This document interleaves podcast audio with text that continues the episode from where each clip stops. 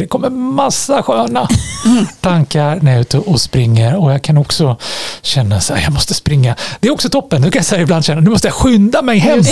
Så jag springer snabbare. Annars jag orkar inte springa så fort, de har riktigt sköna tankar. Ja, men då måste jag springa så in i helsike fort innan jag hinner glömma bort dem. Så jag fråga, hur fick du din bästa tid på milen? Jag fick några sköna tankar. Det är underbart.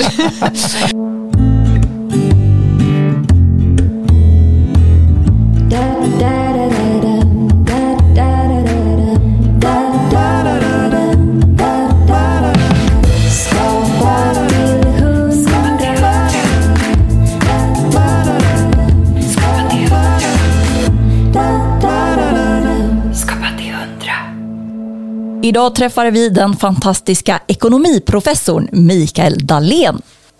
Vi pratar om kreativa nattlöpningsturer. Om att ha modet att inte ha ett slutmål med saker man påbörjar. Och om hur fjuttmetoden kan ta dig till nya höjder både i träningen och kreativiteten. Du lyssnar på Skapa till 100, podden om det kreativa livet. Jag heter Marika Borgström. Och jag heter Maja Sönnerbo. Nu kör vi! Skapa till 100. Skapa till 100. Skapa till 100. Får vi bjuda på lite kaffe eller te eller något? Ja, hemskt gärna kaffe. Kaffe? Mm. Ja, ja men herregud. Det är ju självklart. Så man får värma upp sig. Och Har vi samma tids... Eh... Ja, jag skulle behöva senast vid två. Jag ska iväg och föreläsa. Aha, mycket uppdrag. Ja, men det är ju en speciell tid. Det är väl alla tider. Men nu med svansen hoppas vi fortfarande på pandemin. Mm. Inga restriktioner än. Det blev ju väldigt hastigt och plötsligt förra året för den här tiden. Det blev ju väldigt intressant. Mm. Så det är ju mycket som blir uppskjutet och så osäkerheten inför vad som kommer härnäst. Så allt mm. inte tryckt så fort som möjligt nu. Så jag har aldrig haft så många uppdrag. Det har väl aldrig varit så många event och konferenser och Nej.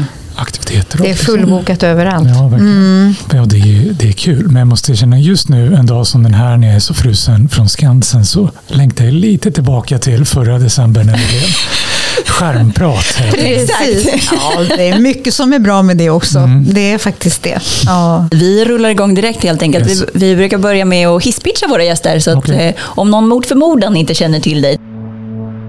Mikael Dahlén är Sveriges mest älskade ekonomiprofessor. Hans tidigare forskning handlade om varför kreativitet är helt nödvändigt för att lyckas som företag. Men med åren har han kommit att intressera sig allt mer för människan bakom siffrorna. Själv kallar han sig för astronaut.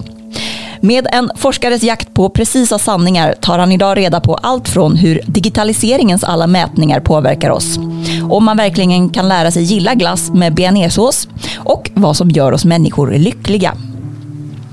Dahlén är idag rankad som näst bäst i världen inom sitt forskningsfält och är därtill en omåttligt populär författare, föreläsare och modern filosof.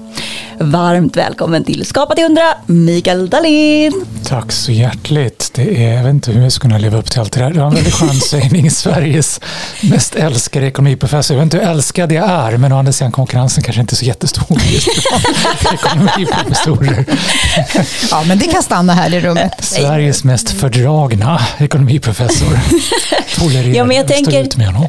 Ja, och liksom, eller mest folkliga kanske. Och då blir man väl också älskad för, av folket på något sätt. Eh, det känns som att dina kollegor eh, inte, eller jobbar kanske mer med klassiska ekonomifrågor som inte alla vanliga människor kanske intresserar sig för alltid. Jag säger eller? ingenting, säger inget sagt. Skapa till hundra. Vad eh, har du för kreativt läge just nu? Just nu så är jag kreativ i bemärkelsen hur ska jag överleva den här dagen. Mm. Oh. Ja. Mm. Väldigt kallt idag. Mm. Och sånt föder ju också kreativitet. Det gör det. Jag känner att jag är lite för tunt klädd trots att jag har tre lager på mig. Så, så just nu så snurrar tankarna ordentligt hur ska jag kunna få upp värmen. Det hjälper till att ni var väldigt snälla och ger mig en, eh, en eh, tekopp full med kaffe. Yes. Det är bra. Mm. Annars så blir det för lite, liksom. man vill inte ha den här lilla serv serviskoppen. Nej, precis så. Mm. Vad ligger på ditt skrivbord just nu? Inte så mycket bokstavligt talat eftersom eh, jag inte längre har skrivbord. Eh, det var jag ju ökänd för att ha det mest eh, överbelamrade skrivbordet. Ja, det har vi sett bild på. Exakt. Ja. Så bokstavligt är jag utan skrivbord nu. Eh, mera bildligt så ligger på mitt skrivbord att bli färdig med kursen i Happiness and Wellbeing, Making a Better Life. Allt heter på engelska på min anstalt, Handelsskolan i Stockholm. Mm. Som vi snart är färdiga med nu, sista åringen på Handelsskolan. Efter en massa träning i att göra en massa olika saker så är vi nu inne i reflektionsfasen. Så det ska bli klart. Sen har jag tänkt att komma igång med en hel massa träning igen. Mm -hmm. För din egen del? Mm, jag fjutt-tränar ju lite mest hela tiden. Men det har blivit eh, verkligen betoning på fjutt nu de senaste veckorna. Jag vill förskjuta ja, betoningen till träning. Bättre än ingen träning alls. Ja. ja. Nu ska du köra, är det 2023? Ja, jag tänker att det är ju lite kvar av 2022 och det ska vi inte vaska Nej. såklart. Jag tänker att jag ska vara i mitt livsform på nyårsafton. Mm. Lite sport wow. jag Oj, det, det får du dela. Det, det, det vill vi alla ha koncept på. Ja, det ska vara lite sport, det kan inte vara för enkelt. Vi eh, tänkte återkomma till det här med träning lite sen, men vi, vi skulle vilja börja med att prata om eh, två av dina nyligaste böcker som handlar om en om lycka, en mm. liten bok om lycka och en liten bok om meningen med livet. För i båda dem så pratar du också, och skriver om en hel del om just kreativitet. Mm. Du skriver bland annat att forskning visar att att vara kreativ ökar meningen med livet. Mm. Hur gör det det? Ja, men väldigt fundamentalt så är det grunden till att du finns till, att jag finns till, att var och en av oss finns till, att vi har möjligheten och med den också ansvaret, tycker jag, att göra något som ingen annan har gjort, ingen annan har utforskat, ingen annan har kunnat före oss och aldrig kommer kunna igen. Vi behövs inte som platshållare, som en människa till på den här överfolkade planeten, utan vi behövs förhoppningsvis genom att vara just oss själva och att vara kreativa med de förutsättningar bara just du har och jag har och vi mm. alla har. Det är den finaste gåva du kan ge. Mm. Ja. Jag tycker det var väldigt fint beskrivet. För jag tänkte just gåva. Det är ju faktiskt en gåva. Men jag tror mm. att det är väldigt många människor som inte ser det eller vågar kanske ens tro att man kan vara med och bidra. Det är väldigt vanligt. Det, det skulle jag säga är kanske det största hindret för kreativitet på det stora hela och i var och en av oss. Att vi inte tror eller tillåter oss att tänka tanken att vi kan göra gott av att vara kreativa.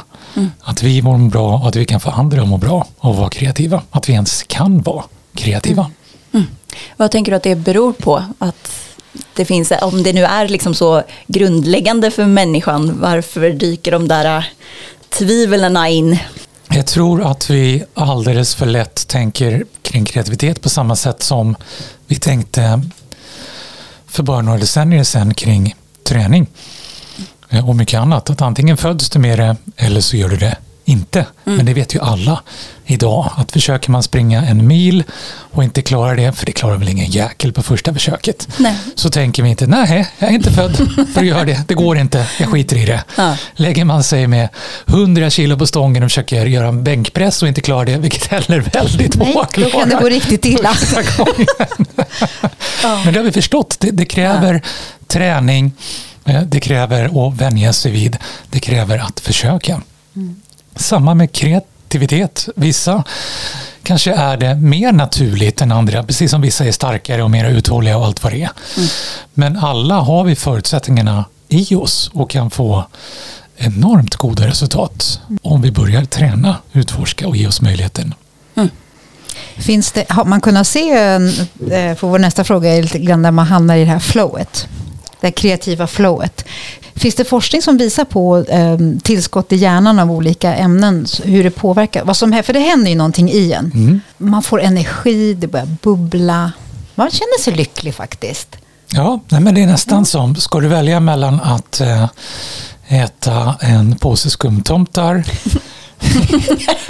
ha sex eller eh, springa allt du kan 100 meter eller vara kreativ så är det i stort sett hugget som stucket. Det fungerar i stort sett likadant rent biokemiskt. Mm. Mm. Att vi får mm. jättehärliga mm. lyckohormoner mm. frisatta och en ordentlig, rent kroppslig glädjeskjuts.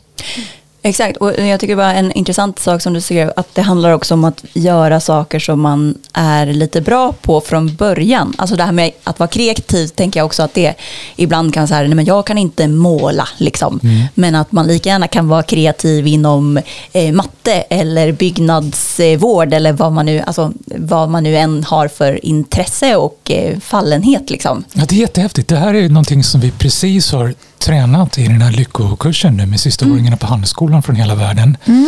Att under en vecka utforska vad är det egentligen jag är bra på? Mm. Och sen göra det en stund varje dag. Mm.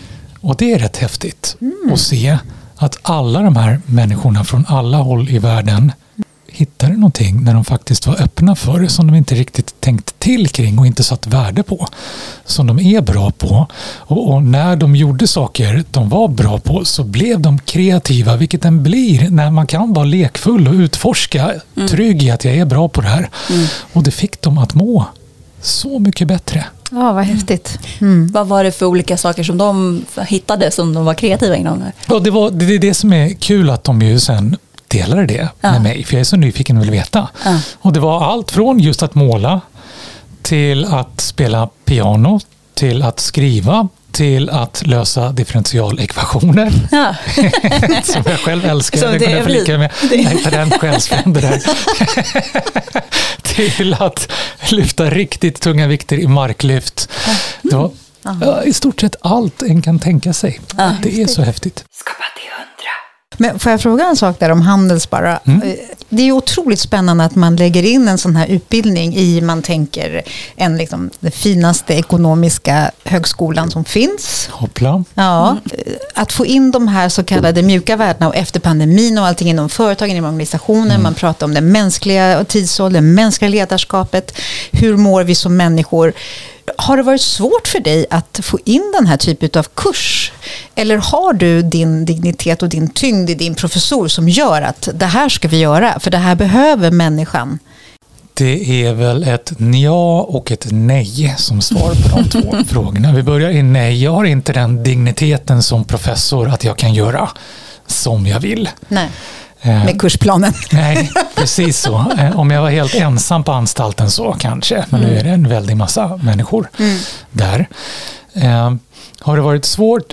Ja, det har inte kommit av sig självt, men jag är nog för, för dum, för oklok och för otålmodig för att låta det stoppa mig. Det är ännu jobbigare att inte göra och ta mig förbi och över alla hinder mm. än att eh, stoppas av dem. Eh, och jag är nog kanske lite för eh, oklok för att förstå alla hinder som finns i vägen också. Utan jag, du jag kör. Gör, jag gör. Mm. Och så löser jag och vi allt det där jag inte hade tänkt på innan mm. på vägen. Mm. Men är det, är det liksom kopplat till din drivkraft eller liksom att ditt eget, att du vill liksom förverkliga det du, dina idéer? Eller vad är det där, att det, att det är jobbigare att inte göra? Mm, det är något fundamentalt i ja. mig eh, som jag märkt alldeles för många gånger. Att jag, jag får svårt att sova på nätterna. Det känns i hela mm. kroppen eh, när jag fastnar i något som jag tänker skulle kunna vara så mycket mer mm. och så mycket friare. Och oss emellan, ah, kanske inte blir oss emellan inser jag nu med en mikrofon framför mig.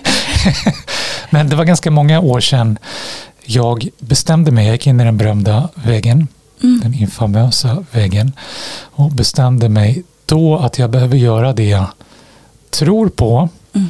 För min egen och för andras skull som jag jobbar med och för. Eh, Och eh, vara ödmjuk inför att det kanske inte går. Och då kan jag få sparken och det kan hända en massa saker. Men, det är jag ödmjuk inför och jag är okej med det. Eh, Och så bestämde jag mig bara för att göra det jag verkligen tror på Mm. så länge det går. När var det här i tid? Det är väl i runda slängar nio år sedan. Ja. Och, och, och var det liksom det som föranledde att du gjorde för mycket som andra ville och inte som du ville? Eller vad? För jag tänkte det låter som en vik- viktig liksom, brytpunkt i, i ditt liv och i, i ditt skapande, alltså vad du väljer att eh, ägna dig åt. Mm. Tillvaron var ganska mycket fyrkanter då. Mm. Samtidigt som jag redan då gjorde, för att jag behövde det, en massa andra saker också. Ja. För att få energi och mening i Precis. tillvaron. Eh, Och det blev för mycket. Det gick inte ihop. Och då fick jag rådet dra ner lite på ta bort de där sakerna du inte måste göra. Mm.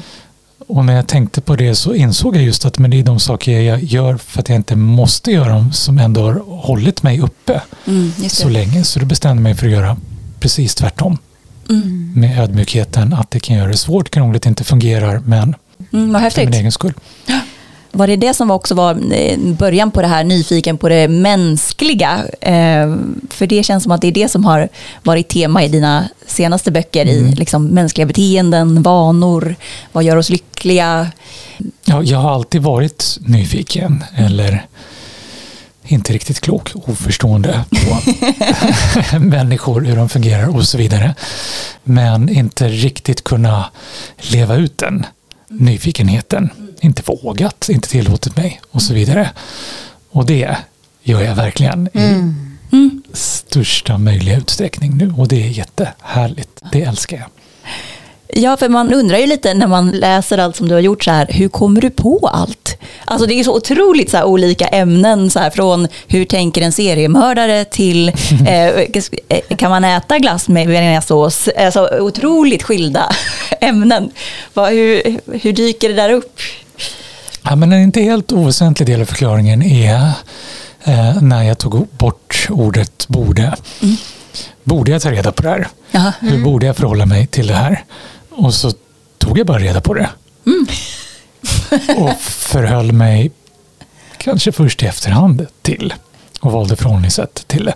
Och apropå seriemördaren kan jag erkänna att hade jag tänkt efter lite mer innan Ja. så hade jag nog aldrig gjort det jag gjorde, åkt runt i världen och grävt i det där och träffat alla. Det var bara en intuitiv tanke, så här, vad undrar hur de funkar? Eller? Jag var för nyfiken och det kändes för jobbigt att inte ta reda på. För att låta bli.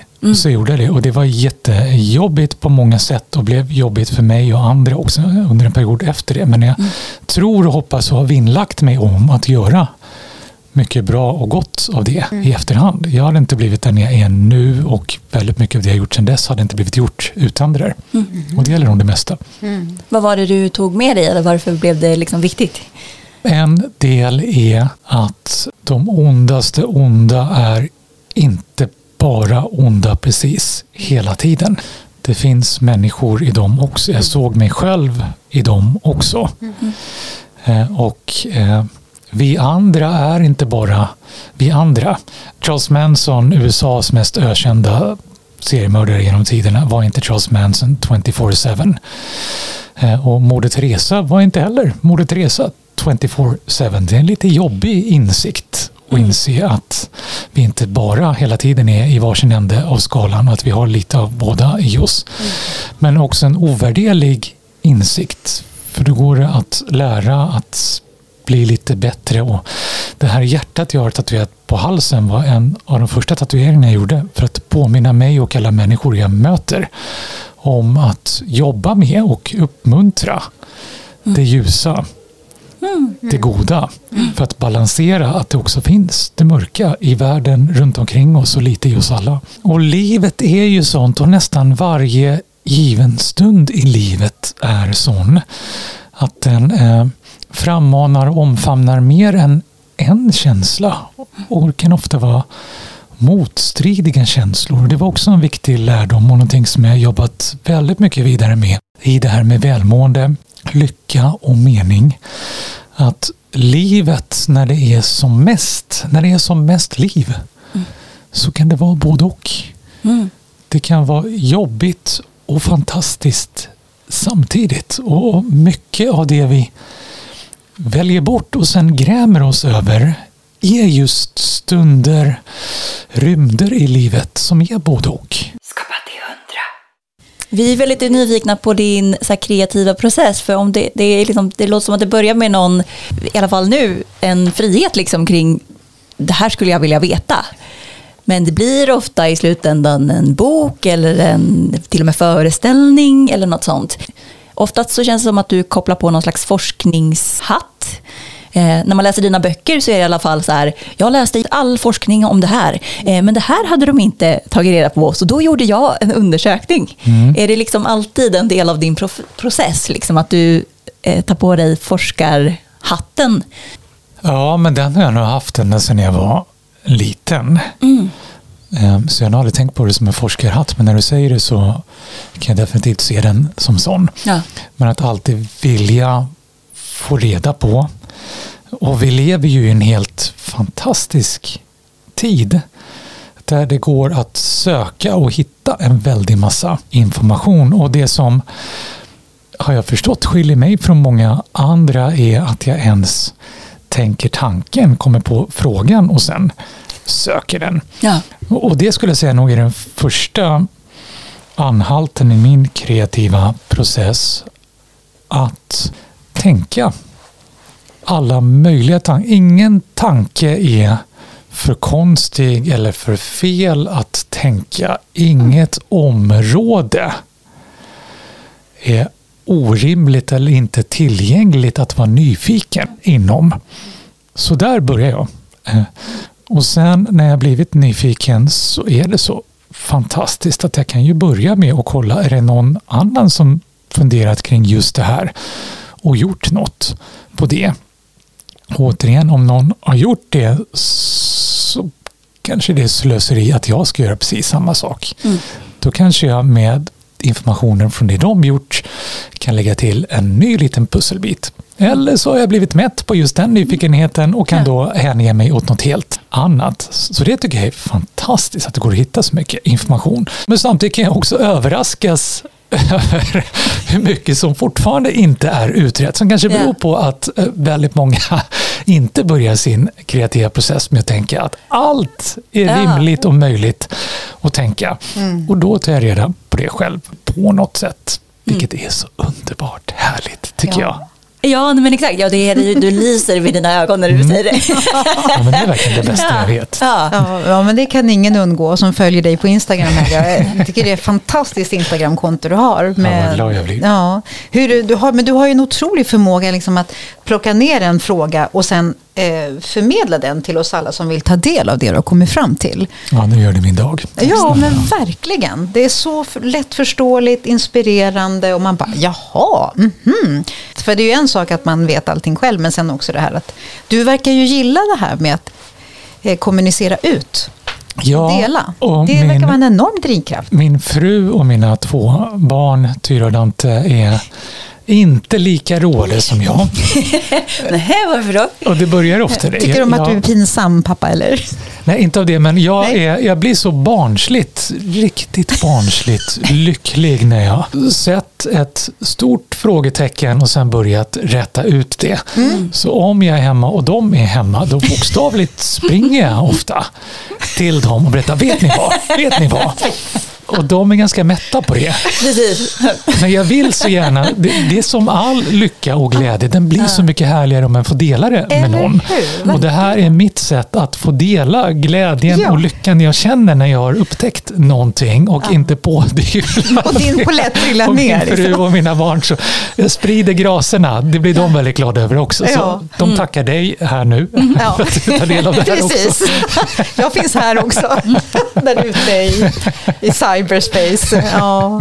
Men precis, och du delar det också med ditt följare. För du, du också, eller vad jag har förstått så gör du också en del av din forskning genom sociala medier. Är det så? Eller? Ja, jag tycker det är jätte kul att kunna snabbt testa idéer. Ja, det är något av det fantastiska med att få ha så många tusentals vänner som helt frivilligt blivit mina vänner Mm. eh, och som tycker det är kul att få vara med Mm. och rätta ut olika frågetecken. Jag har, de vet eh, väldigt sällan vad det är jag är nyfiken på. För jag vill ju att de ska bete sig och tänka och känna precis som de gör på riktigt utan att försöka passa in i vad jag är ute efter för frågeställning. Eh, och de gillar det och det är inte sällan jag för i alla möjliga sammanhang när jag gör något eh, frågar de mig, är jag med i något experiment nu? Är vi med i något experiment nu? Men det är ju härligt när du avslutar din bok där också med Hör av dig till mig, vad, vad, hur din fråga nu var. Men det är ganska härligt att avsluta en bok med en fråga till läsaren. Ja, men jag älskar och sen det. hör av dig till mig, det är ju fantastiskt. Jag älskar det. Vi blir klokare tillsammans och så tänker jag att eh, de flesta av frågorna kring att må bättre, lycka, välmående, välfärd, ekonomi och vad det än är, är, är frågor vi har gemensamt som vi ingår i, i det stora och det lilla. Och, och då eh, tycker jag det är härligt att kunna ta reda på det tillsammans. Och sen tänker jag också att eh, det är lättare att ta till sig tror jag. Eh, Om det handlar om inte, här gjordes en studie i ett laboratorium på 14 möss, utan här har vi sett närmare på hur vi alla Ja. fungerar tillsammans. Precis. Men, men blir alla dina så här undersökningar en bok? Eller finns det någon slags kriterie där? Du måste du ha varit tillräckligt intresserad under en viss period för att det ska bli tillräckligt mycket material? Eller vad är det som... Ja, men en jättebra fråga. Jag har skrivit ganska många böcker, men långt ifrån så många böcker som jag skulle ha skrivit om alla mina Ja. frågeställningar och studier renderade en bok. Så, ja, och mycket, det börjar inte i tanken det här ska jag skriva en bok om, utan det, det börjar i och växer fram ur eh, ett gäng olika frågetecken som jag rätar ut med en massa experiment och studier och så vidare som börjar få konturer av någonting som skulle kunna laga sig ganska bra som en bok. Men under den tiden så gör jag också en massa andra saker som verkligen inte har några rimliga konturer och som aldrig blir Ja, en bok. Nej. Men har du liksom mappar på- i datorn med alla dina olika projekt? Eller har du mapparna i hjärnan med dina olika frågetecken som du håller på med? Jag hade ju ett väldigt överbelamrat skrivbord. Ja, det var där de låg i huller Jag måste nästan dela den bilden. Exakt, vi får lägga ut bilden Ja, på det- skrivbordet. Men det är ganska bra hjärngymnastik och det ska inte Ja. underskattas heller. Det är ett litet eh, sudoku så, att jag har det i huvudet nu. Nej, men för man, man, ut, utifrån sett så känns, man, eller så eh, känns du så otroligt produktiv. Jag tror, mm, I år har du släppt två böcker. Både Meningen med livet och eh, vad heter den, din senaste, Sifferdjur. Just det. Mm. Eh, Så det är inte som att jag tänker på lite grejer och var tionde år kommer en bok, utan det, är väldigt, väl- det kommer Ja. mycket grejer. Det är mycket resultat som trillar ut från den här långa frågeteckensprocessen. Liksom. Så det är som imponerande, eller på något sätt, då undrar man ju så här, hur håller du reda på allt? Om det är så här, det är inte alla, eh, allt som poppar där inne som faktiskt kommer ut. Antingen är det bara väldigt produktiv, eller så har du ett eh, bra system bakom det där. Ja, men det är en jättebra fråga. Så bra att det finns ett gäng svar på den. Eh, Ett svar är att eh, jag tänker lite darwinistiskt. Att är det eh, en frågeställning, någon tråd jag glömmer bort så kanske den inte var bra nog att komma ihåg. Så det är helt okej. Ja, mm. Eh, Ett annat svar är att en del frågor och trådar eh, gör sitt främsta jobb genom att föra tankarna och nyfikenheten i en riktning jag annars inte hade tagit mig i. Så de kanske inte är så viktiga i sig själva utan det är vad de leder till i ett andra eller tredje eller fjärde steg. Och det kanske blir en bok eller vad tusan det nu blir som syns. ja. Men det hade inte blivit det utan de här som ingen annan någonsin ser. Eh, Och ett eh, ytterligare svar är att eh, jag gör en väldig massa saker utan att veta vad som kommer vara bra och viktigt innan.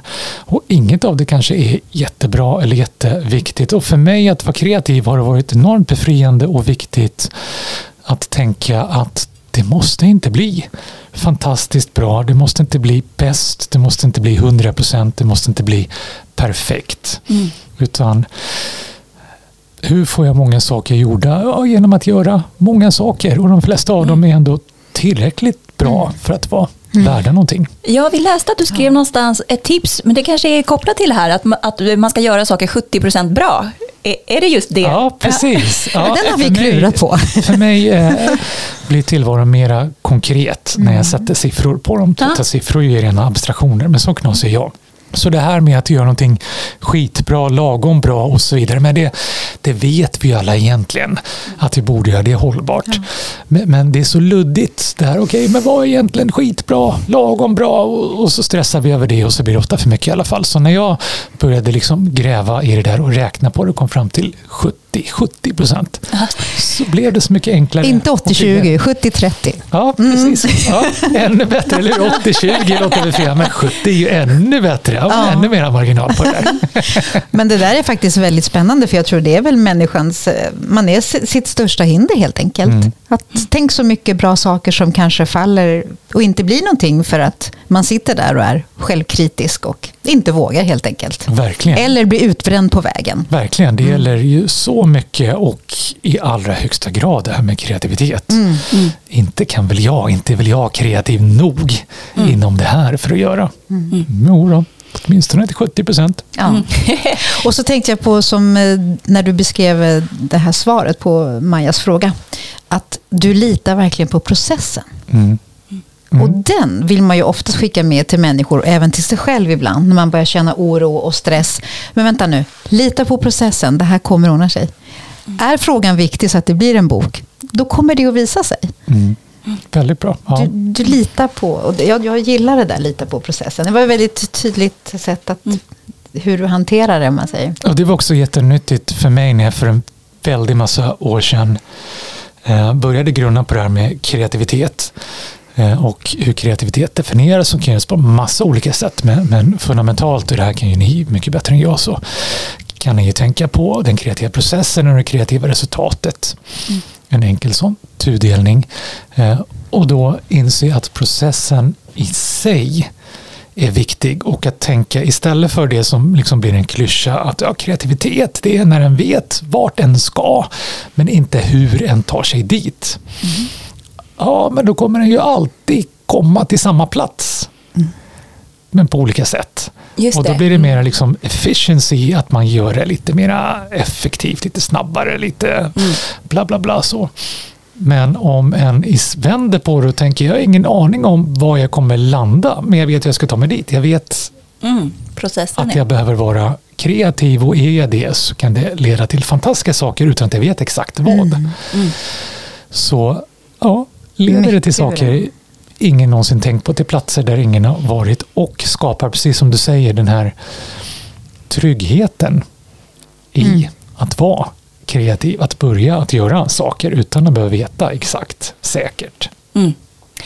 Ja, det är ju väldigt, det är väldigt intressant utifrån liksom, alltså både ett företagsperspektiv, liksom att man, bolag vill vara kreativa och för all del liksom individer också. Att det, är ju, det ger ju resultat mm. som liksom är på mångas mål. Liksom, företaget, så vi måste eh, utvecklas på det här sättet i den här riktningen. Men, och liksom fallgropen är ju hela tiden att just göra det ja nej men vi har inte tid, vi måste vara kreativa nu. Liksom, att man har inte tid att öppna upp för det här, för det här öppna, tillitsfulla eh, synsättet som mm. egentligen är vägen dit. Mm. Eh, det är superintressant, så, men bevisligen så funkar det i alla fall för dig. Eh, det funkar i alla fall för en av drygt sju miljarder av, människor på planeten. Och förhoppningsvis för fler också. Skapa till hundra. Men har du någon plats eller tid eller så när du skapar som bäst? Jag tänker att den kan vara kreativ precis när och var som helst. Men med det sagt så ja, jag har en tid. Mm -hmm. Mitt i natten. Eh, när det känns som jag är alldeles ensam på den här planeten. Det är häftigt att bo i storstaden Stockholm och inse att så stor är inte den staden. Nej. Och även när jag har haft förmånen att vara på andra platser i världen, är det ett eh, New York eller ett Shanghai eller vad det är.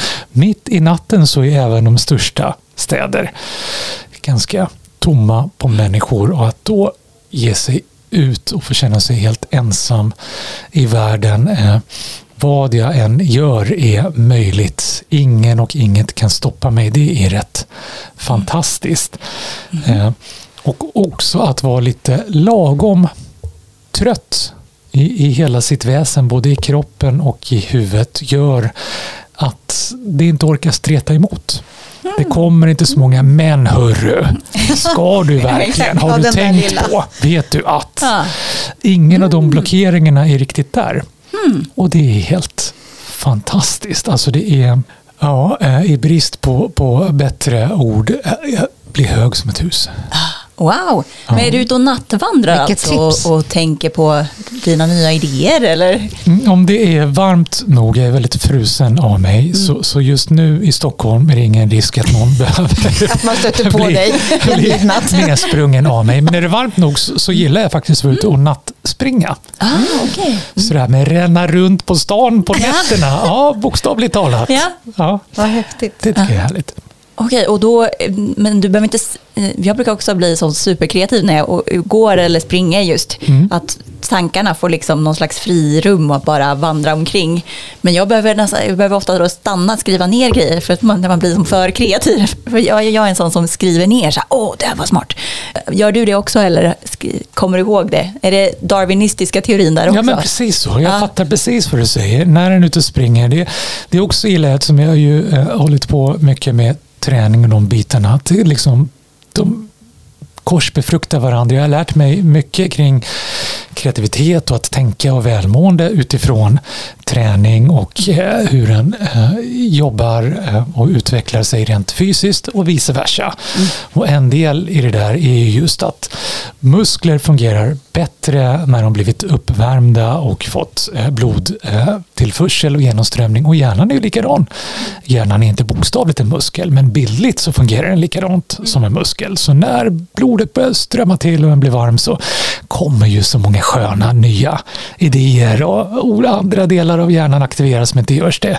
Annars, jag känner igen precis det du säger, det kommer massa sköna tankar när jag är ute och springer och jag kan också känna så här, jag måste springa. Det är också toppen, nu kan jag säga ibland känna, nu måste jag skynda mig hem. Så jag springer snabbare. För annars, jag orkar inte springa så fort, de har riktigt sköna tankar. Ja, men då måste jag springa så in i helsike fort innan jag hinner glömma bort dem. Så jag fråga, hur fick du din bästa tid på milen? Jag fick några sköna tankar på. Det är underbart. På tal om effektivitet, det är bara både en Nobelprisvinnande idé och mm. hastighetsrekordet på milen. Men var det ur din egen träning som det här intresset och inspirationen för människans välmående kom? Var det så det började? Eller hur? Eh? Ja, eh, min egen fysiska träning och min egen mentala träning mm. eh, startade i att jag var ganska kass både på att må bra mentalt och fysiskt. Så blev jag verkligen tvungen att tänka till och experimentera. Mm. Och det gör jag fortfarande. Som sagt, det är uppenbar risk att den är med i något experiment när den är med mig. Men, men jag experimenterar allra mest mm. på mig själv mm. hela tiden. Ja, vad har du kommit fram till då, gällande just träningen? Alltså hur påverkar just träningen ditt skapande och ditt välmående? Ja, men kanske den viktigaste lärdomen är att de hänger ihop. Mm. Kropp och knopp mm. i högsta grad. Eh, mår den ena lite bättre så kommer det gagna den andra. Och tvärtom, mår den ena lite sämre så kommer den andra förlora på det. Det är väl den viktigaste lärdomen. En annan lärdom är att det går. Även om det inte verkar så i början. Det är jag ett levande bevis för som varken var stark eller snabb eller uthållig eller just någonting. Och som verkligen inte var klok och väl fortfarande inte är särskilt klok men ändå mm. klokare och ohyggligt klok. Mm. Och att eh, jag älskar att vara kreativ, utveckla min nyfikenhet och mitt förstånd genom fysiska framsteg och strapatser. Jag älskar att klura ut hur kan jag bli lite starkare, lite uthålligare, orka lite mer. Det är bland de roligaste, härligaste tankenötterna jag vet. Mm. Så själva träningen är en kreativitetsövning i sig? Liksom. Ja, väldigt mycket så. Ja. Väldigt mycket så. Vad har du kommit på, hur, vad har du kommit på för sätt att träna då? Ja, men det är väl också en sån viktig grej, apropå att jag ska försöka balansera lite bättre den här fjutt-träningen. Så Ja. att det inte bara är fjutt och lite mer träning. Men, men att fjutt är viktigt och räcker långt. Att det inte Mm. är 0-1. Det är inte antingen nu tränar du Exakt. Nej. eller så tränar du inte. Vilket många tänker och det är därför så många inte kommer igång eller slutar för tidigt. För det känns som man gör inte det här ordentligt, det blir så stort projekt och allt det där.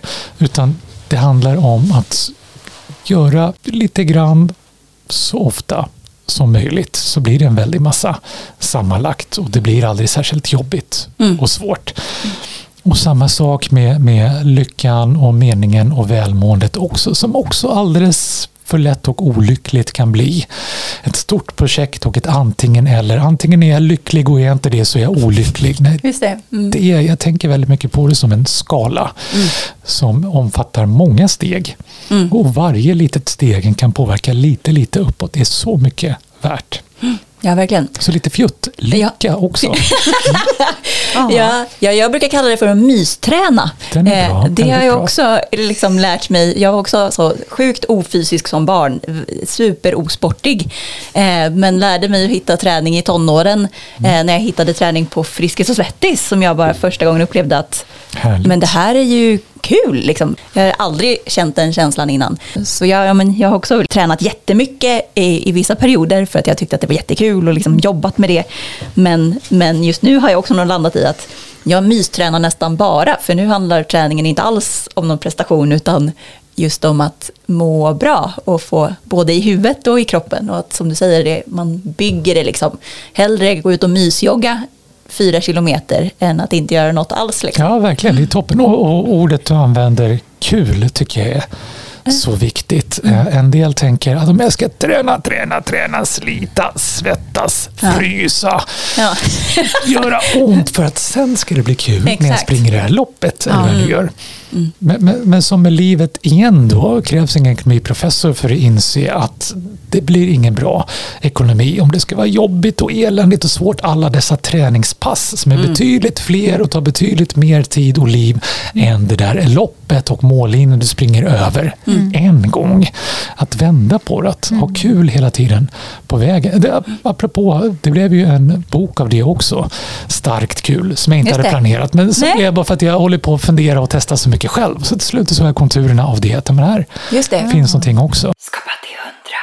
Vi brukar fråga alla våra gäster och, och extra kul att fråga dig eh, om de har rutiner som gör dem extra kreativa. Och du har ju skrivit en bok till och med om just rutiner.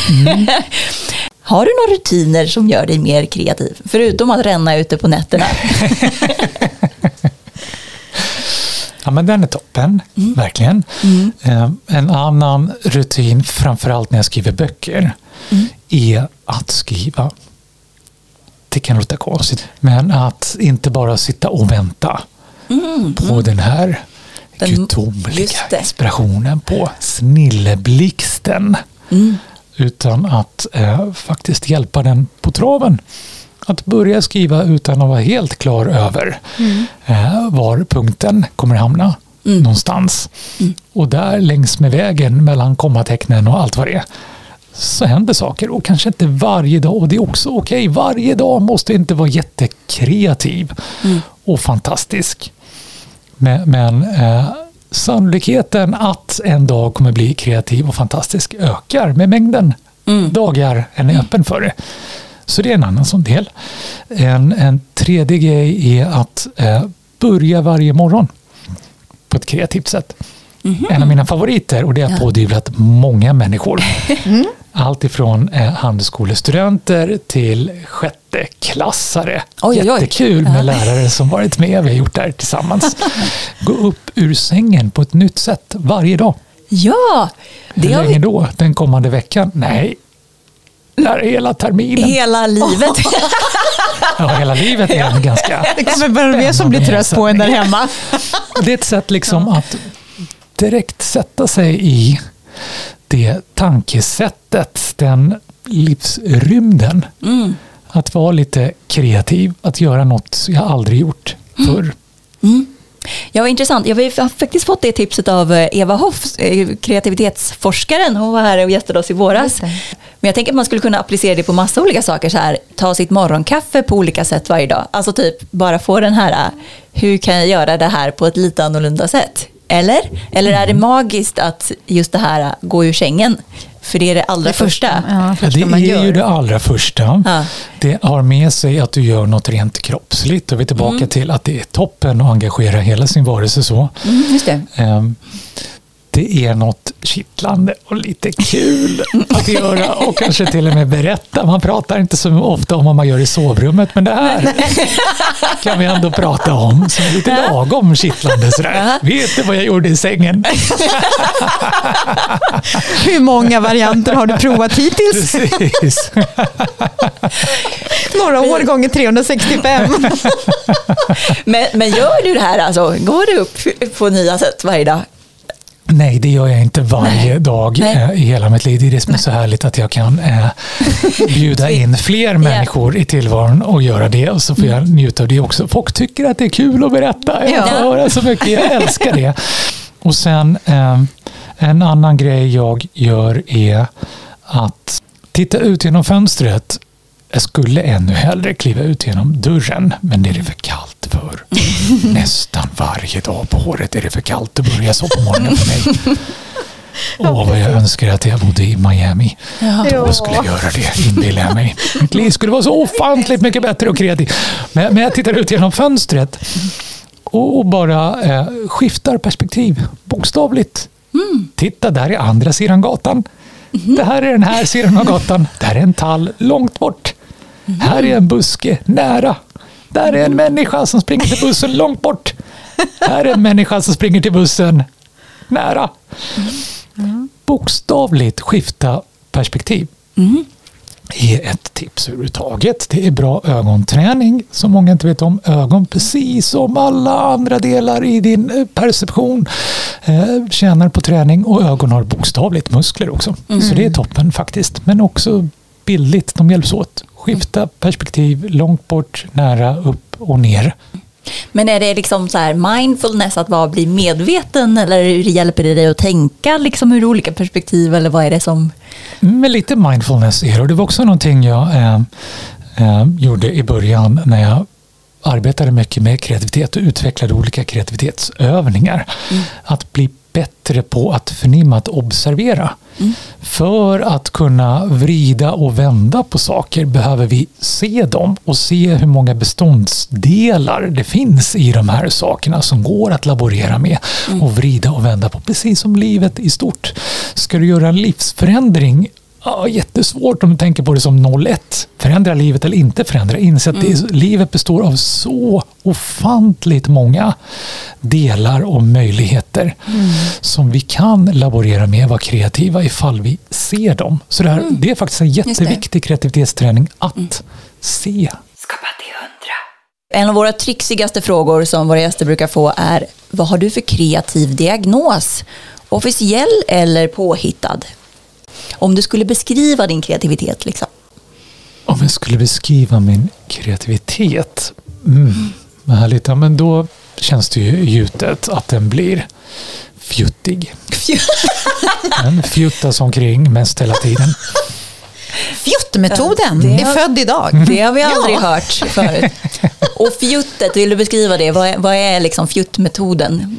Fjuttmetoden är att just att se och vara öppen för beståndsdelarna i allt, vare sig det är matematik, ekonomi, träning eller musik för den delen som jag också tycker är väldigt kul vad den är. Eh, och bara fjuta till lite. Jag testar. Det här vore kul, går att göra på det här sättet. Och det blir inget storslaget, det vet alla som hört mig musicera. Eller vad det än är, men det blir något. Våga ta den första lilla tåfjutten åt något håll och kolla, ja, kolla var bollen hamnar. Tåfjutt är ju en jättebra sån bild av ja. det här. Det är ju varje gång ja, en tjongar till. Man har ingen liksom. aning om var den bollen tar vägen. Men det vet inte motståndarna heller. Så det är, Nej, ja. just det. Just det. det är VM-nivå. Ja, liksom. precis. Ja. Messi och gänget, fjuttmetoden. Underbart. Men du nämnde ju tidigare att du, att du började redan som barn och undersöka saker. Vill du mm. berätta om det? Ja, men en väsentlig anledning till det var ju att det fanns ju inte internet. Nej. Så då blev jag tvungen att undersöka mer själv, för det gick inte att söka och hitta lika mm. mycket. Mm. En kunde gå på bibliotek, men där fanns inte allt för det första. Och jag tyckte det var skitobehagligt att gå på biblioteket, som jag hör så extremt dåligt. Mm. Och där fick det ju bara viskas. Så eh, jag hörde ju inte vad någon sa där och jag kunde aldrig fråga något eller så. Mm. Så därför fick jag ju försöka undersöka och ta reda på saker själv. Hur började du undersöka? Och vad undersökte du? Nej, men jag började experimentera väldigt mycket, göra små interventioner som folk inte alltid visste om. Okej, okay, och, och vad se. kunde det vara? Kommer du ihåg något exempel? Ja, men det kunde vara... Jag vet inte hur mycket jag vågar berätta oj, oj, om de här. ja, jag, jag var inte riktigt hemma i skolan. Mm, okay. jag eh, fick ganska ofta sitta för mig själv och så. Eh, men eh, på den tiden var inte säkerheten lika stor mm. som den är i skolbyggnader nu. Och redan då så kunde jag ränna på nätterna så jag kunde ränna in eh, på skolan på nätterna ibland och gå in Oj. i det här klassrummet jag inte var annars. Mm, och okay. möblera om det på olika sätt och göra lite olika saker. Nej, men du och sen se vad som hände. Okej, okay. du flyttade så här skolbänkar och sånt. Så Lasse som trodde att han satt där, andra till höger, det var inte hans bänk när han på den tiden öppnade locket? Eller? Ja, men lite sådana små saker. Var det, ja. var det liksom ett uttryck av överskottsenergi eller var det, ville du kolla vad som hände? Eller var... ja, men det var två saker. Dels eh, en genuin nyfikenhet mm. Eh, och dels ett sätt att göra skolan till min. Mm. Så mm. nästan bokstavligen. Ja. Att inte bara ta den för given att du får sitta där borta Nej, och gör nu så här. Eh, Mm. Du vågade liksom, ja du gick emot det. Ja, jag vågade ju inte eftersom jag gjorde det på nätterna. Du gjorde det på nätterna i och för sig. Men... men visste de om att det var du eller var det bara någon Nej. som hade... Nej, det är alltså, så jag... himla roligt. Det, då, det avslöjas nu. Exakt. Ja, men får jag fråga med hörseln och så, när, när fick du hjälp så att säga? Jag fick fantastisk hjälp och jag är jättetacksam till Karolinska sjukhuset i Stockholm och det fanns ingen färdig kunskap riktigt om vad det var för fel på mina öron. Det fanns inte så bra mm. teknik, så det gick inte att laga riktigt. Jag hör fortfarande dåligt, men inte så dåligt och så illa som det varit annars. Mm. Så det blev en sån härlig följetong från sex år började vi och sen upp hela vägen fram till ja, nu nästan. Mm. Mm. Men, men var det en del i att du kände att du inte passade in i skolan eller hörde hemma där? Eller? Ja, det, det gjorde ju att jag eh, redan från början blev mycket av en betraktare. Så. Mm. mm. Vem påverkade dig kreativt under din, under din uppväxt? Hade du några inspirationskällor? Eller? Det blev ju mycket jag själv. Mm. Eftersom jag var mycket själv. Mm. Och det finns ju bra och dåligt i det och jag har verkligen omfamnat det bra i det. Så det var väl tre. Jag älskade Kiss, rockgruppen. Mm. Det kanske kan förklara en del i min uppenbarelse för folk som undrar. Mm. Min fysiska uppenbarelse så. Eh, och det älskade jag och omfamnade det här att kunna sminka sig lite och to hide in plain sight, vad säger man på svenska? Så att kunna ja, få lite mera utrymme genom att mm. vara lite så.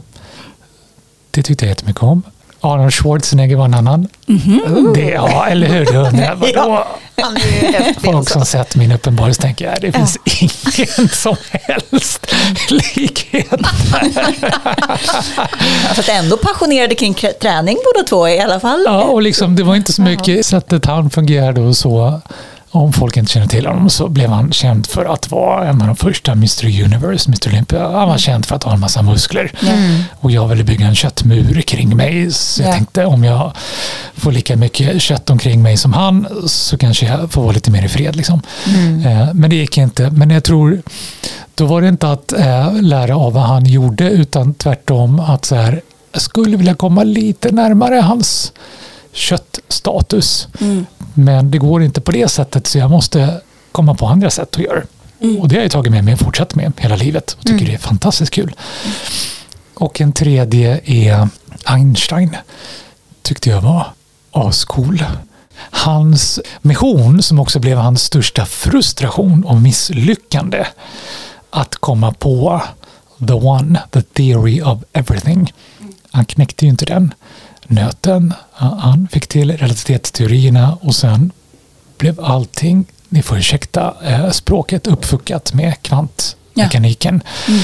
Men, men den viljan, den nyfikenheten att inte vara rädd för att tänka så långt och så stort. Mm. Älskar jag. Så jag har faktiskt den också. Och det låter ju enormt högtravande Nej, inte alls för tycker jag. mig. Eh, Men och liksom, det är inte så att jag tror att jag kommer ta mig dit, så nykter är jag ändå. Men, men eh, att tänka, jag, jag vill också, precis som han. Mm. Eh, Stor inspirationskälla. Mm. jag vill komma på the theory of everything, den riktigt stora grejen. Och jag är långt, långt ifrån kommer aldrig klara men det är jättehärligt. Det, det är lite lättare varje morgon när det känns trögt och det gör det i stort sett varje morgon att de är uppe ur sängen. Det är oh kallt det är i vårt sovrum som är i ett gammalt garage. Det är skitkallt. Ja, ja, ja. Men då tänker jag att universum, hörni. Ja, Det, det kommer, kommer tillbaka. Ja, då, det du ger får du tillbaka. Det ligger massa så här, äh, frågetecken där och svävar Mm, som precis. snart kommer landa ner hos dig. Precis. Ja, du ska bara vara öppen för det. ja precis. Ja. Men, men den här äh, ensamheten och det, jag kan känna igen mig i det. Jag var också ensam, framförallt som tonåring var jag väldigt ensam och det påverkar ju väldigt mycket. Kände du att du inte Kände du att du var annorlunda än andra? Liksom, eller vad, Ja, Ja. ja. ja. Mm. ja, på vilket sätt? Var- Alla. Alla sätt. Ja. Var det därför du umgicks med Einstein? Einstein, Schwarzenegger Ja, och exakt. Var det de som blev ditt gäng det är istället? tyskt. Liksom? Ja. Und der Kiss, Ja, jawohl. Paul Stanley. Ja. Men var det där du hittade din liksom, glädje eller lust? Eller? Ja, eh, mina hittepå-figurer, de kunde jag ju samtala med. Sen, apropå kreativ diagnos, jag har alltid haft ett rikt inre liv och många pågående diskussioner Mm. hela tiden i huvudet. Det är jag själv, det är andra figurer, kända, okända och allt vad det är. Mm. Vilk, vid vilken ålder ungefär kände du att du så här landade in? Och kände kanske att du, ja, att det, nu vet inte jag om du kände dig obekväm i den här rollen så som du hade det. Sen så brukar man ju komma till en punkt när man känner så här, nej men nu börjar det kännas rätt okej, att jag kan spegla mig i mina, var det gymnasium eller högskola eller Ja, långt senare. Eh, Jag har inte riktigt landat och ganska ofta hamnar jag i perioder av självtvivel och att det är jobbigt och allt sånt där. Så jag är verkligen inte set for life trygg i den jag är. Eh, Men jag jobbar på det också. Eh, Mm. Men eh, jag omfamnade väldigt mycket mer av det än jag vågat eller försökt. I stort sett i samma veva som min pappa fick sin terminala cancerdiagnos. Och först då förstod jag riktigt att den där tiden sen, när jag har bevisat mig, när jag försökt att visa att jag kan och gjort det, borde, den där tiden sen, när jag ska vara mig själv, Mm. det är inte att ta för given. Den kanske inte kommer sen. Utan den måste jag nog göra nu. Så då började jag, om inte landa, men jag började omfamna och försöka i stor utsträckning då. Mm. Är det, tror du att det är som ett livsprojekt kanske att, att bli vän med sig själv för oss alla? Att, vi, att det är ganska intressant att det är så svårt för oss att, vi, att omfamna sig själv Mm. och tycka att man är jättefin och bra som man är. Mm. Ja, verkligen. Marika och jag pratade faktiskt det, om det inför intervjun igår, om att eh, du känns, för du skriver om det i den här, en liten bok om meningen med livet, om just din pappa. Mm. Eh, vår reflektion var att du kanske, alltså hela din förflyttning, att du, du använder liksom forskningens väldigt sådär precisa och så metodik, men du, inte, du, har liksom inte, du skriver om frågor som är så djupt mänskliga liksom, och som blir lätt att relatera till. Mm. Eh, är det liksom för att du har vågat bottna i dig själv liksom, i ditt yrke? Alltså att det är dina, dina de mänskliga frågorna på något sätt? Ja, det känns som, som att, du, du har, att det är ditt kall. Ja, det var fint. Alltså båda de där låter jättefina. Jag vet inte om det är riktigt så Nej. fint egentligen. Eh, jag har ju långt ifrån bottnat men blivit mer okej okay med att inte bottna. Mm.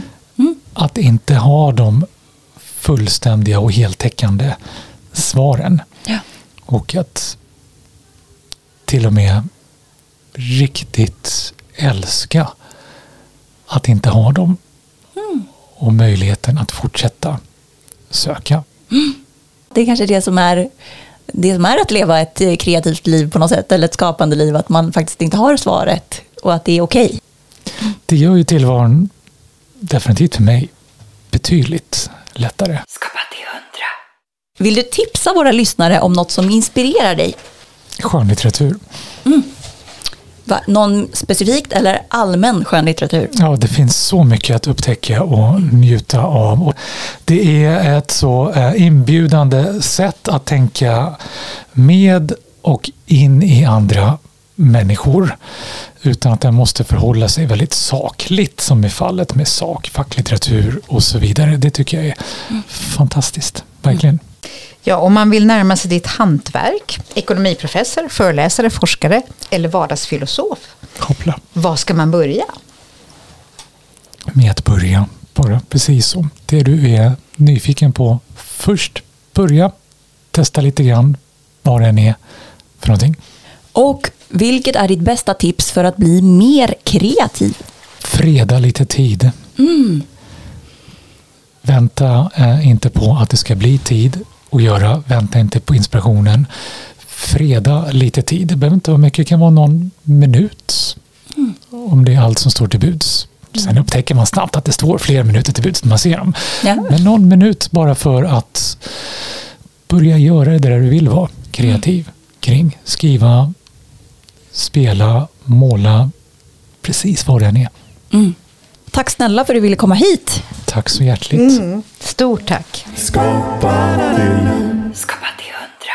Gillade du det här samtalet så ska du såklart trycka på prenumerera i din poddapp. Och du får gärna lämna en recension till oss också. Så hjälper du oss att sprida podden till fler. Han fick inte skumtomtarna med sig. Fan. Han, och han glömde äta dem under intervjun. Han kanske inte vågade, stackarn. Nej, de låg där som ett litet pärlband. Ja, det blir du och jag och som får, får äta skumtomtar nu. Nu får du frossa. ja, men fantastiskt att, att äntligen ha honom här. Vi hade ju honom inbokad som en av de allra första gästerna, alltså typ för två år sedan nästan, när vi började.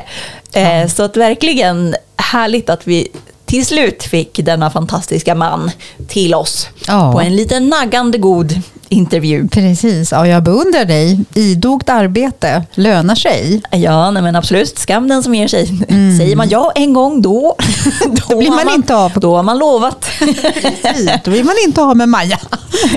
Exakt. Nej, men det var verkligen jätte superspännande. Vi sa det båda två, vi var liksom lite pirriga och lite smånervösa för det här mötet. Kände du också så? Ja, nej men exakt. Ja, exakt. Jag, nu är vi ändå ganska vana vid att träffa folk här i studion. Men nej, jag kände jag var lite som nervös innan han skulle komma. För jag tänkte så oh, nej, han, ja, han är så otroligt eh, påläst och smart. Och otroligt så här, sympatisk. Alltså, jag vet inte, han känns som väldigt mycket människa också. Vilket jag kan beundra när man lyckas kombinera Både att vara ny, duktig i hjärnan och duktig på sitt yrke, men mm. också liksom, jag vet inte, får ihop liksom alla delar på ett härligt sätt. Ja, så ödmjuk. med sån otrolig liksom, kunskap som han har. Och också sen vara väldigt ödmjuk inför människan. Så man kände sig ju väl, han är så otroligt inkluderande. Ja, och jag blev faktiskt, måste jag säga, jag blev lite överraskad att han är så timid. Liksom. Det känns som att han, eh, ja, som vi pratade om, att han har fortfarande sådär en stor osäkerhet. Han kan så otroligt mycket. Han är så smart, begåvad, påläst, allt liksom. Så sympatisk och trevlig. Jag menar, jag har svårt att tänka mig att folk inte, att någon inte tycker om honom. Eh, men ändå så känns det som att han liksom lite mm. ber om ursäkt för sig själv eller liksom inte vill, vill ta så mycket plats mm. eh, och så på ett sätt som jag inte har upplevt när jag har liksom, ja, men, sett honom i media eller sett honom på sitt eget sociala med mediekonto för, mm. den, för den delen. För han är ju väldigt verbal men det är som mm. att när man träffar honom så får man se mer av personen Mikael. Verkligen, det var ett eh. jättefint samtal tycker jag. Mm. Eh, han, han verkligen eh, bjöd. Mm. Var helt helt öppen. Så det var väldigt bjussigt. Ja. ja men jag tänker att man har mycket att, att lära sig av det. Att våga vara sårbar. Både inför andra men också kanske i sig själv. Att det här, allt med från att han har i sin metod, liksom att han vågar inte ha en plan. Mm. Och ändå, eller kanske just därför så är han superkreativ och produktiv, liksom, mm. gör massa saker. Men också liksom ja, men som han sa också, att han är okej okay med att han inte har landat hundra, eller så känner att jag älskar mig själv alla dagar. Liksom. Att det kanske kan vara okej ändå, att man inte gör det. Liksom. Att det är kanske en stor del av att vara människa. Verkligen. Det är ju det vi kämpar med allihopa, vår självkänsla mm. och vårt självförtroende. Mm. Eh, det är fascinerande att vi ändå går in liksom i vuxen ålder och man kan ju tycka att man, när blir man klar med det där? Men det verkar, trots att man har berömmelse och framgång och ett fantastiskt intellekt så är det fortfarande som att eh, det hjälper inte. Mm. Det spelar ingen roll. Det, mm. det är som du säger, det är verkligen... Alla kan känna sig små och otillräckliga och inte nöjda mm. med sig själv. Då får man ha lite små verktyg och knep för hur man kan liksom, vara mm. snäll mot sig själv. Mm. Ja, och jag, tyckte han, alltså, jag tycker han är bra på det. Jag tänker nog också så. Och inte för att jag tänker allt rätt, men, men det här med fjuttmetoden som man pratar om, alltså också just kopplat till, till välmående. Nej, men liksom att just så här, det är inte, det är inte så här, antingen mår jag fantastiskt och är bäst i hela världen eller så är allting värdelöst. Utan att mm. det är ju massa små pusselbitar, precis som man säger. Att, att hitta de här små grejerna mm. eh, i allt från så här, eh, tänka en stund på vad man är tacksam för eller bara ta den där eh, promenaden eller liksom, alltså typ att försöka bygga på med de positiva mm. pusselbitarna i livet ger ju enormt mycket på sista raden på något sätt. I, och också det att det är okej okay att känna flera saker samtidigt. Mm. Mm. Man kan vara väldigt lycklig men man kan också känna eh, sorg eller en oro för någonting. Alltså det mm. finns, eh, det är väldigt, alltså livet är komplext, det är ju verkligen det. Men jag mm. gillar det här, nu har vi ju fjutt-metoden. Mm. Eh, sen har jag fört in här, kan tipsa, punktstäda kan man göra. Ja, vad är eh, det? Nej, men det är ju helt enkelt så. Det var min svärmor, hon skulle operera ena höften och då eh, ju, har ju de vuxit upp i sin relation med att det är liksom min svärmor som städar hemma. Jaha, ja. Och, ja. och då så sa Kalle, min svärfar, han sa alltid då, eh, då när Susanne undrade hur det gick där hemma, att, att nej men det förstår jag har punktstädat. Jaha. Så det innebär att man kan ta en zon lite då och då. Så här, och då kändes det renat mycket bättre. Mm. Ja men just det, man kan städa ja. på köksbänken en gång och sen ja. Eh, damma en liten ja. hörna eller byrå någon ja. annan dag. men, och, och, du hade mysträna. Ja, ja men det lät verkligen, men jag tycker mys låter lite mer positivt än fjutt. Fjutt känns också lite sådär som att det är ju bara inte så viktigt. Men Nej. jag tänker det där, jag tror att också själva myset, eller att, att det här med att man inte går, känner att så här, träning är lika med blodsmak, utan snarare så här, träning är lika med en jättehärlig stund när man får liksom... Kulmysträna. Ja, Den är ju jättebra. Både kul och mysigt. Då, ja. Nu jävlar kör vi Marika. Ja, ja men exakt. Att då, då blir det ju av på ett helt annat sätt eh, för mig. Det är min ja. stora takeaway. Och då när man är ute och mystränar ibland får man feeling och då kanske man ja. springer lite snabbare för man bara kom igång. Liksom. Verkligen. Ja, tog du med dig något speciellt? Ja, men jag tar med mig att Vi alla jobbar med samma typ av utmaningar och att eh, jag tycker att jag tar med mig från honom att våga. Du, det är du själv som är ditt största hinder. Mm med apropå att vara kreativ. Mm. Det kanske är ett sätt för dig att komma på i hur, hur kan eh, grannarna på gatan mötas på ett mer kreativt sätt? Ska vi göra liksom en årlig julglögg på gatan? Eller mm. Mm. hur du vill besöka din farmor på ett kul sätt och överraska henne? Eller sätta igång ett nytt bak en gång i månaden eller baka ett nytt typ av bröd. Mm. Ja, det är ju, man ska inte tänka negativt om sig själv. Det känner jag att jag tar med mig som en slags sån här helhetsvibe. Just det, att vara snäll mot sig själv och där också göra, våga göra nya saker. Våga göra nya mm. saker. Mm. Mm. Och eh, lita på processen. Jag tror mm. vi oroar oss mm. alldeles för mycket innan det ens är ett problem. Mm. Man liksom skapar hinder som faktiskt egentligen inte finns. Och du då, vad tänker du? Ja, men jag gillar också det här eh, att lita på processen. Jag har varit inne på det väldigt mycket själv under hösten och liksom känt Eh, Eh, jag vet inte, funderat mycket på det och också fått väldigt mycket också så positiva grejer som har ramlat på plats i mitt liv. För att jag faktiskt just, eh, tror jag, har litat på processen. Att jag har låtit saker ta lite tid. Liksom. Eh, jag har ju letat länge efter så här, vad ska jag jobba liksom, mer på sikt. Jag vill verkligen hitta en, en arbetsplats där jag kan liksom, vara mer stabil och liksom vara med och bygga något långsiktigt. Och nu tror jag faktiskt, peppar peppar, ta i trä, att jag har gjort det. Så det är det här som man pratar med om att när man inte vet målet så behöver man ju ändå våga ta steg i, i någon slags undersökande. Ja, men det här är kul, det här är intressant, det här är... Och, så här, och det har faktiskt lett mig helt rätt utan att jag visste det från början. Liksom. Mm. Men också någonting som comes to mind när det kommer till det. För den här podden är ju faktiskt också en kreativ idé som också är ett projekt som har varit så här, ja men det här är kul, det här är spännande, så här, låt oss bygga det här. Eh, och nu har vi hållit på i, i två år snart i olika konstellationer. Men att jag har ju också mött mycket så här att ha en podd är väl inget jobb. Alltså det finns ju mycket föreställningar i, i samhället om att så här, jaha, men vad, vad håller du på med om du inte har ett 9 5 jobb? Verkligen. Som är eh, med en viss titel. Om man inte har anseende som Mikael Dahlén ännu, eller liksom om man inte har en, ett track record och att jag har släppt de här tio böckerna. Ja. Så man gör sitt första, eller liksom, man gör ett projekt, så jag har aldrig haft en podd förut. Nej. Man har ingen aning om vad det kommer bli. Nej. Nej. det kanske blir ett kort projekt som sen leder till något annat. Mm. Eller så blir det jätte, så kan man jobba med det bara. Ja, nej men så jag tar med mig att om Mikael Dahlén säger det så är det sant. Så då tänker jag fortsätta göra så. Precis. Ja, ehm. nej, men kan vi rekommendera att läsa hans eh, senaste böcker tycker jag. De är mm. väldigt... Uh... Ja, jag älskade den här mm. en, eh, en, liten bok om meningen med livet. Mm. Den tyckte jag var otroligt fin och ja. tänkvärd. Ja. Och en liten bok om lycka var också fin. Men jag mm. gillar ännu mer den här meningen med livet. Mm. För det känns så här, Ja, men lycka är ju ett konstigt begrepp på något sätt. För att ja. det, ingen är ju jättelycklig hela tiden. Alltså det är som att nej. människans hjärna inte går... Det är en färskvara. Ja, nej, men vi är inte gjorda på det sättet. Liksom, att vi ska bara vara, det är ju bara när man är superförälskad som man är lycklig hela tiden. Och då blir man ju också dum i huvudet. Liksom. Ja.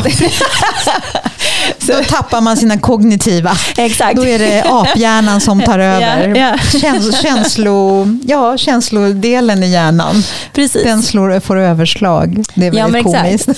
Ja, så jag tänker så här, mening med livet, det känns mer så här applicerbart. Det kan ju kännas väldigt meningsfullt fast också när det är jobbigt. Eller också när man är ledsen. Eller också, eh, så det kände, det, jag kände att jag kunde relatera mer till det faktiskt. Ja. Mm. Du som lyssnar, du får gärna återkoppla till oss vad du ja. tog med dig och vad du tyckte var mest eh, ja, det skulle vara intressant i samtalet. Ja, men mm. precis. Skriv till oss på mm. Instagram, där är vi hela tiden och snicksnackar med er som, som lyssnar och det, det är superkul. Så att, eh, häng med oss där. Ja. Nu är det dags att önska god jul. God jul och gott slut. Och kreativt nytt år. Verkligen. Vad, vad det lider. Absolut. Ett underbart 2023 ligger framför oss. I kreativitetens tecken. Ja, exakt. Med oklara mål. I Dahléns anda. Och så ska vi bara våga, vi ska bara göra. Och så ska vi lita på processen. Oj, oj, oj. Ja, det, blir, det blir läskigt det här, men kul. Ja.